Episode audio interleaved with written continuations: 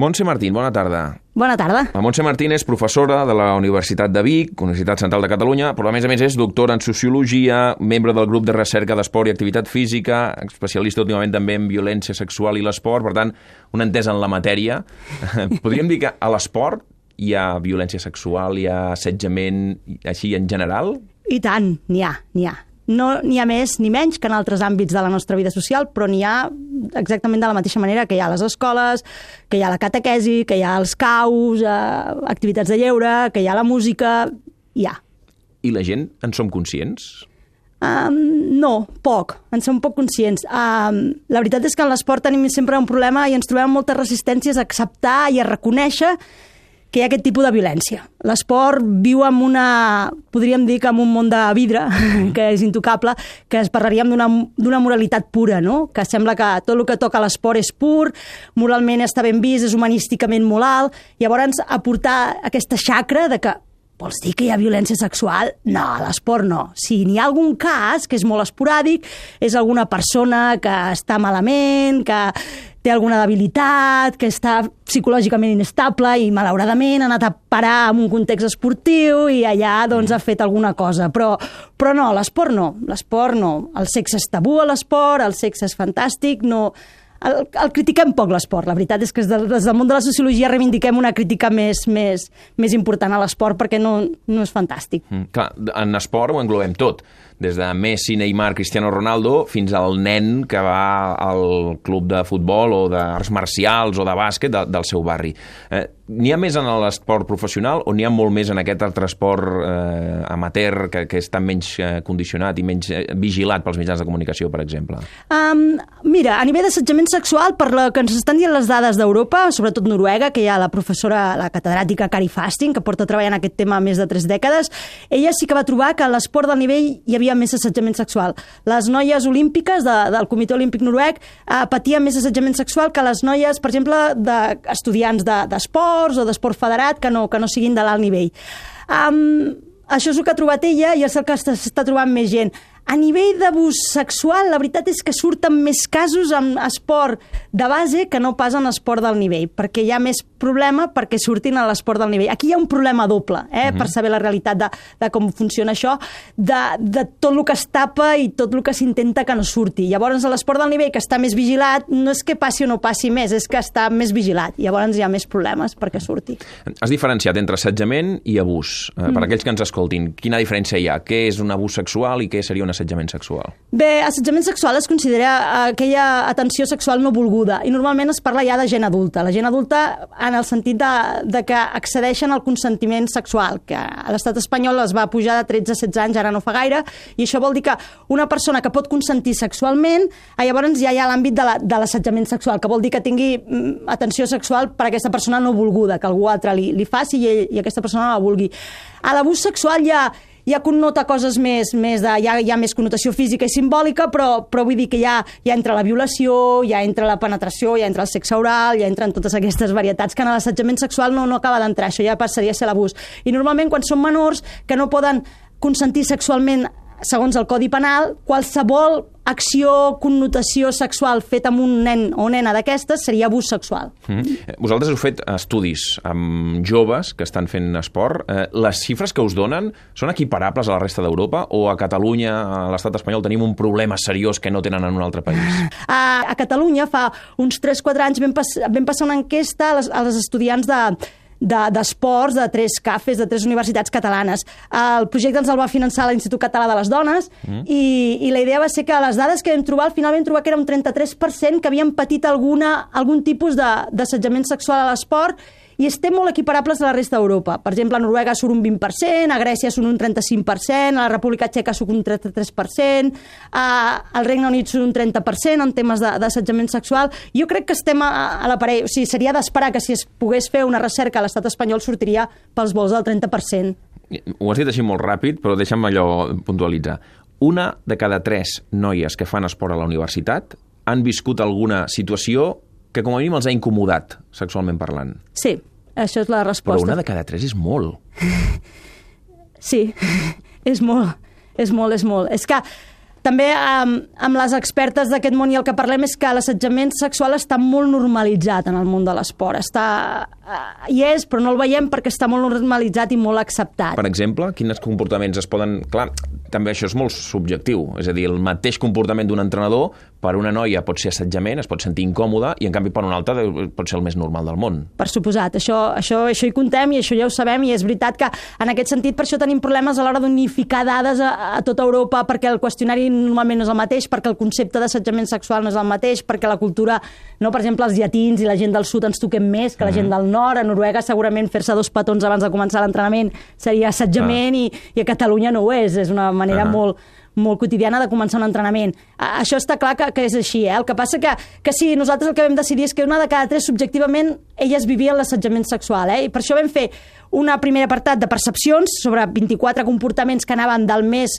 quotidià, com convidar un cafè, o que et saludi l'entrenador, o que o que et digui hola eh, i et faci dos petons, o que et toqui l'espatlla perquè per una instrucció, o, i anàvem pujant de to cada vegada més, no? Pues et convida tu sola a sopar en un restaurant, et diu de que vagis a casa seva a practicar alguna cosa especial, a tu sola, Uh, després ja passàvem a temes de, més de, de, de caràcter més de sexista, fa, fa acudits sexistes davant de tot el grup, o, o t'afalaga l'aparença física i comença a dir-te que guapa que ets, o quines cames que tens per fer aquella rematada en voleibol, o coses uh -huh. d'aquestes, i després ja passàvem al, al grup més sever, que seria l'últim, que era aquest de uh, mostra interès sexuals per tu, uh, mira fixament el pit i el cul, et proposa relacions sexuals amb o sense res a canvi... Clar, aquestes últimes són... Eh, és a dir, tothom ho entendria com a assetjament sexual. Convidar-te a un cafè clar, depèn de com sigui la situació en la que et convida, com sigui aquest cafè, en quin lloc el prenguis, etc etc. Per tant, tot és com molt subjectiu, és com molt complicat, no?, filar prim, no? Sí, sí, sí. D'aquesta última, per exemple, ens sortia que eren entre un 6 i un 8%, eh? A les que, les que havien patit aquest assetjament més sever. Entre un 6 i un 8% de les estudiants de universitats que estan fent esport sí. havien eh, patit aquests comportaments que són inequívocament, perquè algun dels que has dit, vaja, no és que sigui assetjament, és, és abús. sí, quina, sí, no? Si fossin petites, segur, sí, sí. Uh -huh. Sí, sí, hi podria anar a l'abús. Eh, el fet que surtin coses com les que han sortit ara en escoles de Barcelona, dels maristes i tot plegat, us pot ajudar en el sentit de que hi pot haver pares que diguin on si això passa a l'escola, compte que en aquell club de futbol on, vaig a, on va el meu nen, o en aquell gimnàs, o en aquell equip, com a mínim mirar-ho, com a mínim estar-hi més a sobre, o no? Mm, jo espero que sí, jo espero que sí, perquè, perquè la idea seria aquesta.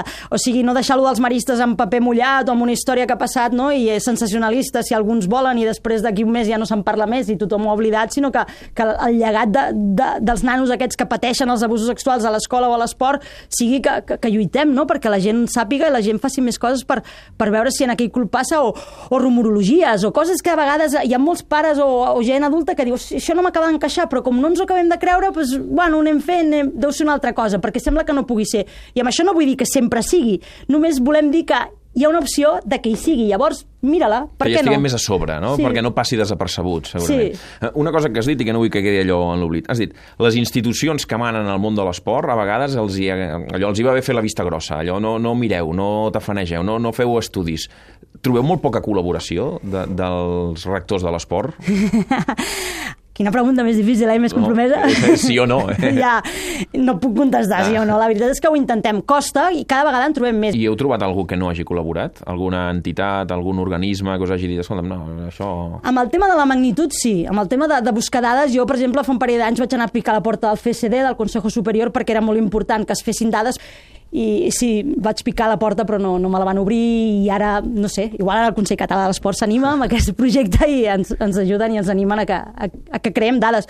El problema que tenim amb aquest tema amb l'esport és que si, per exemple, una, una, una federació o un club s'hi posa, queda com molt estigmatitzat, no? Mm. Tenim aquesta visió, no? Si ara un club tal de, de futbol de no sé on diu, ostres, m'interessa molt aquest tema, vaig a fer prevenció, vaig a parlar amb la Montse perquè m'ajudi, ui, per què fas aquesta prevenció? Que teniu un problema. Que teniu un problema, que, que hi ha hagut algun que ha saltat. I llavors, aquest és, aquesta és una, una resistència que hem de vèncer, no? He de dir, no, no, és al revés. Aquest club, aquest club de futbol és exemplar. Està fent això, és fantàstic, està trencant el gel, està dient, vinga, va, anem endavant, que això ho hem de ho hem de prevenir entre tots, no només mm. uns quants, sinó que tots els clubs ens hem d'interessar. Al final, com ha passat amb el tema escolar, és que no hi ha protocols o que els protocols no funcionen o que s'haurien de revisar? En l'esport, malauradament, n'hi ha molt pocs. Va sortir un protocol del CCD que va dir que era només pel CAR, va sortir que Piqui Bernadet mm. hi va participar, i a les federacions, per aconseguir subvencions, el que han fet és adaptar-lo a la seva federació i dir que fan aquest protocol. D'aquí ara s'hauria de fer l'avaluació de, de l'interès que tenen les federacions per posar comitès que realment s'estiguin posant en pràctica els mecanismes per identificar. Eh? He quedat molt frapat amb aquesta dada, eh, del 30% dels estudiants i que un 6-8%. Si ara ens escolta algú que, que té una situació semblant o que sospita alguna cosa, què pot fer? Què recomanaries? o un pare o un, no sé, un entrenador que ha vist alguna actitud d'algun company o algun, algun esportista que, que ho hagi patit?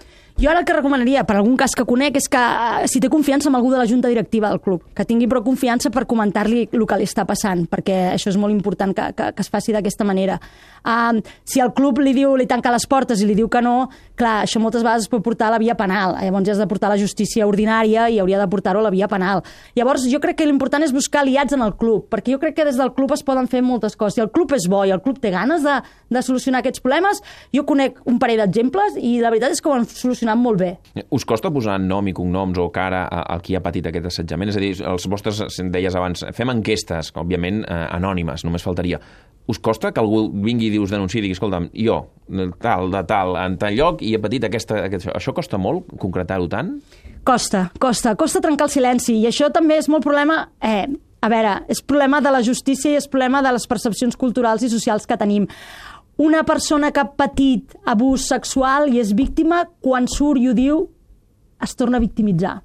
És molt fàcil tornar-la a victimitzar dir-li que és per culpa seva, que l'esport està anant malament, que sortint amb aquest discurs o dient aquesta experiència... Estàs perjudicant el club, estàs perjudicant l'esport, estàs perjudicant la federació, no? La gent agafarà por, les famílies ja no portaran les seves criatures. Amb el projecte europeu que us hem dit que, que estem hi participant i que comencem ara, la veritat és que estic fent una crida perquè gent que hagi patit abusos sexuals a la infància en l'esport trenqui el silenci, ens vingui a veure, que parlarem, que traurem moltes coses, que serà totalment anònim, vull dir, jo tindré la cara però no tindré res més, i que les seves, les seves vivències les seves narratives, les seves experiències poden ser superimportants per evitar que això passi en el futur i que les necessitem, necessitem les seves veus. Des d'aquí queda feta la crida, eh? que qualsevol que hagi viscut una situació que s'hi pugui assemblar, com a mínim que pregunti. Després potser li direu, no, això no és, o, o sí, o, o sí que ho és, però la manera és, és saber-ho i sobretot trencar aquest silenci, aquest, eh, no, aquest veto que sembla que d'això no se'n pugui parlar, no se'n vulgui parlar, faci com vergonya, i el primer pas és trencar-ho, poder-ho mm. denunciar i després a partir d'aquí deixar treballar els experts. Montse Martín, professora, doctora en Sociologia en l'Esport de la Universitat de Vic, eh, expert en violència sexual a l'esport, en el grup de recerca d'esport i activitat física i tants altres eh, càrrecs.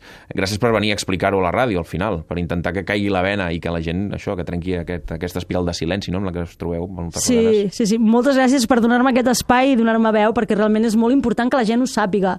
La violència sexual passa a l'esport, malauradament, i si no posem fre, passarà i continuarà passant. I només eh, cal recordar aquestes xifres que, que donaven durant l'entrevista. Montserrat, gràcies, bona tarda. Bona tarda.